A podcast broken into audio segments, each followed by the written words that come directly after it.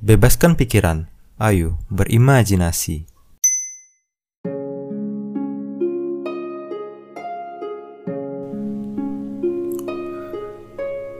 Cerita yuk. Akhirnya aku bisa rekaman juga. Setelah beberapa hari terakhir di sekitar tempat tinggalku, banyak suara bising dari luar. Jadi hasil rekaman podcast yang aku buat itu kurang memuaskan. Banyak gangguan suara dari luar gitu. Oke, untuk episode kali ini kita lanjutin cerita dari kakak E ya. Langsung aja ke ceritanya. Story by A Part 3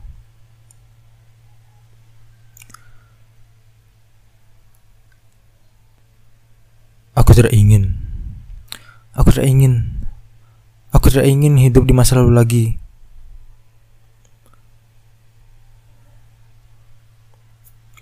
Saat aku pulang dari taman yang asri itu, aku mulai berjalan kaki lagi untuk pulang ke rumah bibiku.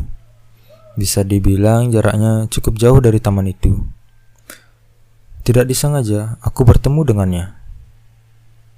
Iya, dia perempuan cantik manis yang selalu menemaniku. Dia melihatku. Kita berpapasan. Aku melihatnya sendirian sambil mendengarkan musik di telinganya. Dirga. Saat itu aku ingin menghindar. Tidak kusangka di saat seperti ini aku bertemu dengannya. Aku merasa malu di hadapannya. Aku hanya menunduk dan terdiam. Tapi ia mendekatiku dan memegang tanganku.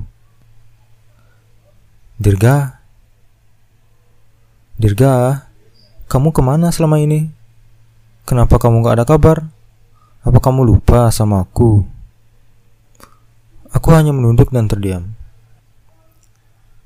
Dirga, jawab. Ini bukan tentangmu, kataku sembari menahan rindu dengannya. Apa maksudmu, Dirga? Aku gak pingin kau ikut campur dulu. Aku berkata sambil menatap matanya. Aku gak pernah berharap kamu bilang seperti ini. Kamu tidak berkata sedikit pun saat itu. Suara Farah sambil menahan tangisnya. Seindah apa pun perpisahan, itu tetaplah menjadi perpisahan. Kataku yang sebenarnya menahan rindu dengannya. Enggak. Dirga, sini. Kita bisa duduk dulu. Kamu jangan buru-buru. Sudah enam bulan terakhir kita tidak bertemu. Aku kangen sama kamu. Lihat nih, aku sampai nangis.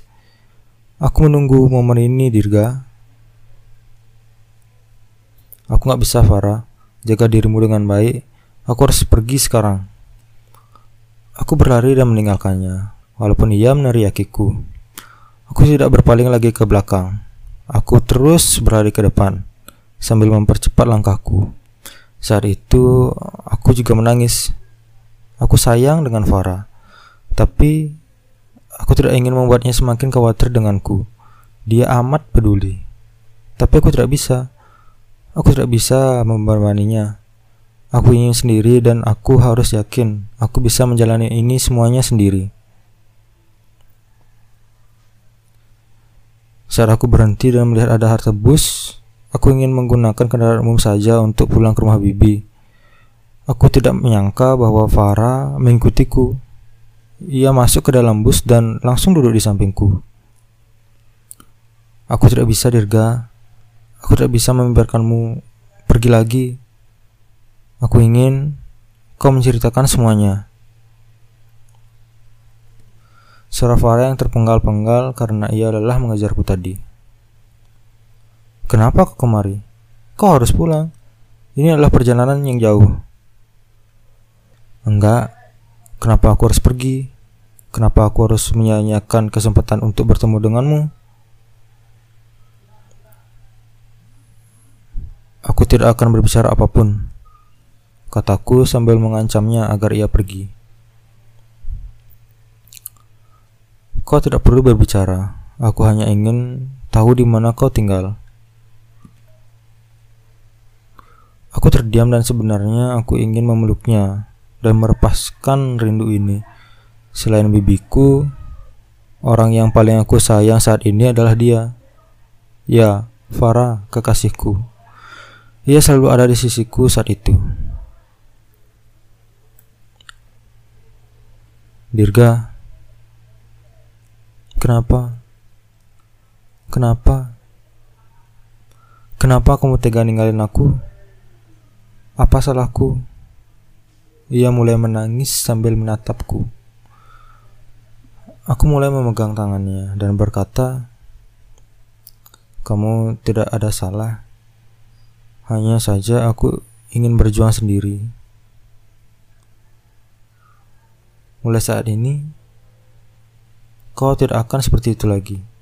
Aku akan selalu menemanimu dia mulai memelukku, aku pun memeluknya dengan erat dan tidak sadar aku juga ikut menangis. Dirga, kenapa? Ia mengusap air mataku.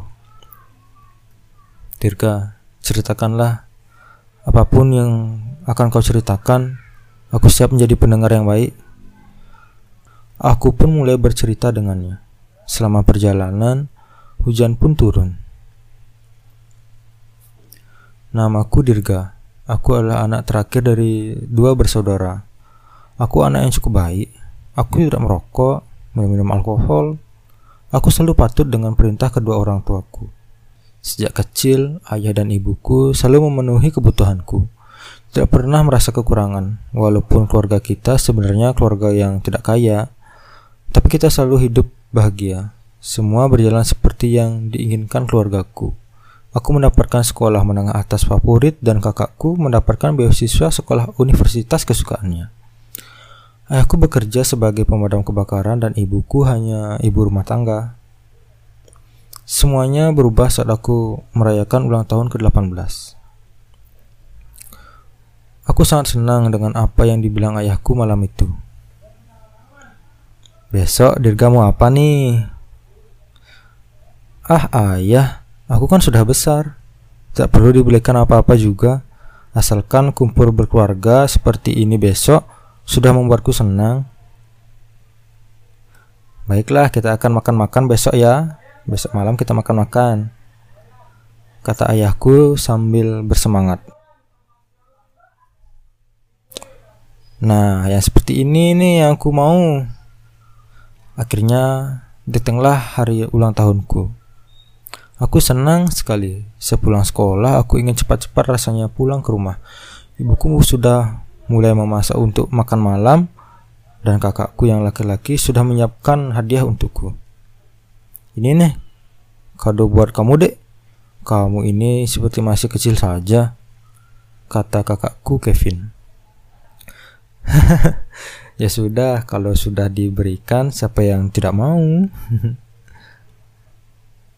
Bagaimana sekolahmu nak? Apakah hari ini Farah tidak kemari? Suara ibuku sambil mengaduk masakannya yang dibuatnya. Tidak bu, kami sudah bertemu tadi di sekolah. Sekarang giliran berkumpul dengan keluarga kan? Ya memang Farah sudah memberikanku hadiah beserta ucapan tadi di sekolah. Sekarang waktunya aku bersama dengan keluargaku. Setelah semuanya disiapkan, hanya ayahku saja yang belum datang. Jam sudah menunjukkan pukul 8 malam. Kami tetap menunggu ayah sambil menonton TV. Berita yang ada di TV sedang sangat heboh. Ada kebakaran di apartemen pusat kota. Kami mulai memikirkan ayah. Apakah tim ayah sedang bertugas saat ini? Hingga ia tidak bisa pulang tepat waktu. Aku mulai cemas dan akhirnya ibuku dan kakakku berkemas untuk pergi ke tempat kejadian. Aku pun mulai bersiap-siap juga. Sampai di kejadian sekitar dua jam perjalanan. Api sudah mulai padam. Rasanya kami merasa agak tenang, tapi kami belum menemukan ayah. Saat kami bertanya dengan petugas di sana, itulah hal yang tidak ingin kami dengar.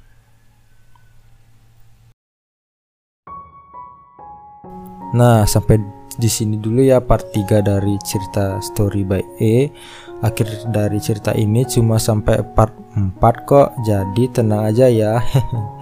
Semangat buat kakak yang buatin podcast ini nanti Part 4 nyusul nanti ya Stay tune Oke mantap ya cerita dari Story by A ini Akhirnya kita tahu siapa kekasih Dirga nih Kelihatannya Farah sangat menyayangi Dirga ya Tapi Dirga gak mau membebani Farah. Kira-kira kenapa ya keluarga Dirga? Dan aku juga gak sabar nunggu gimana sih ending dari cerita ini. Pantengin terus ya podcast bebaskan pikiran. Sampai jumpa di episode selanjutnya.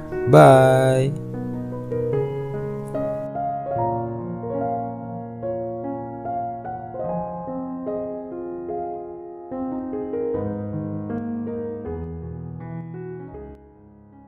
Sesuai judul dan tema podcast ini, maka di sini, podcast Bebaskan Pikiran akan mengajakmu berimajinasi dengan membebaskan pikiran.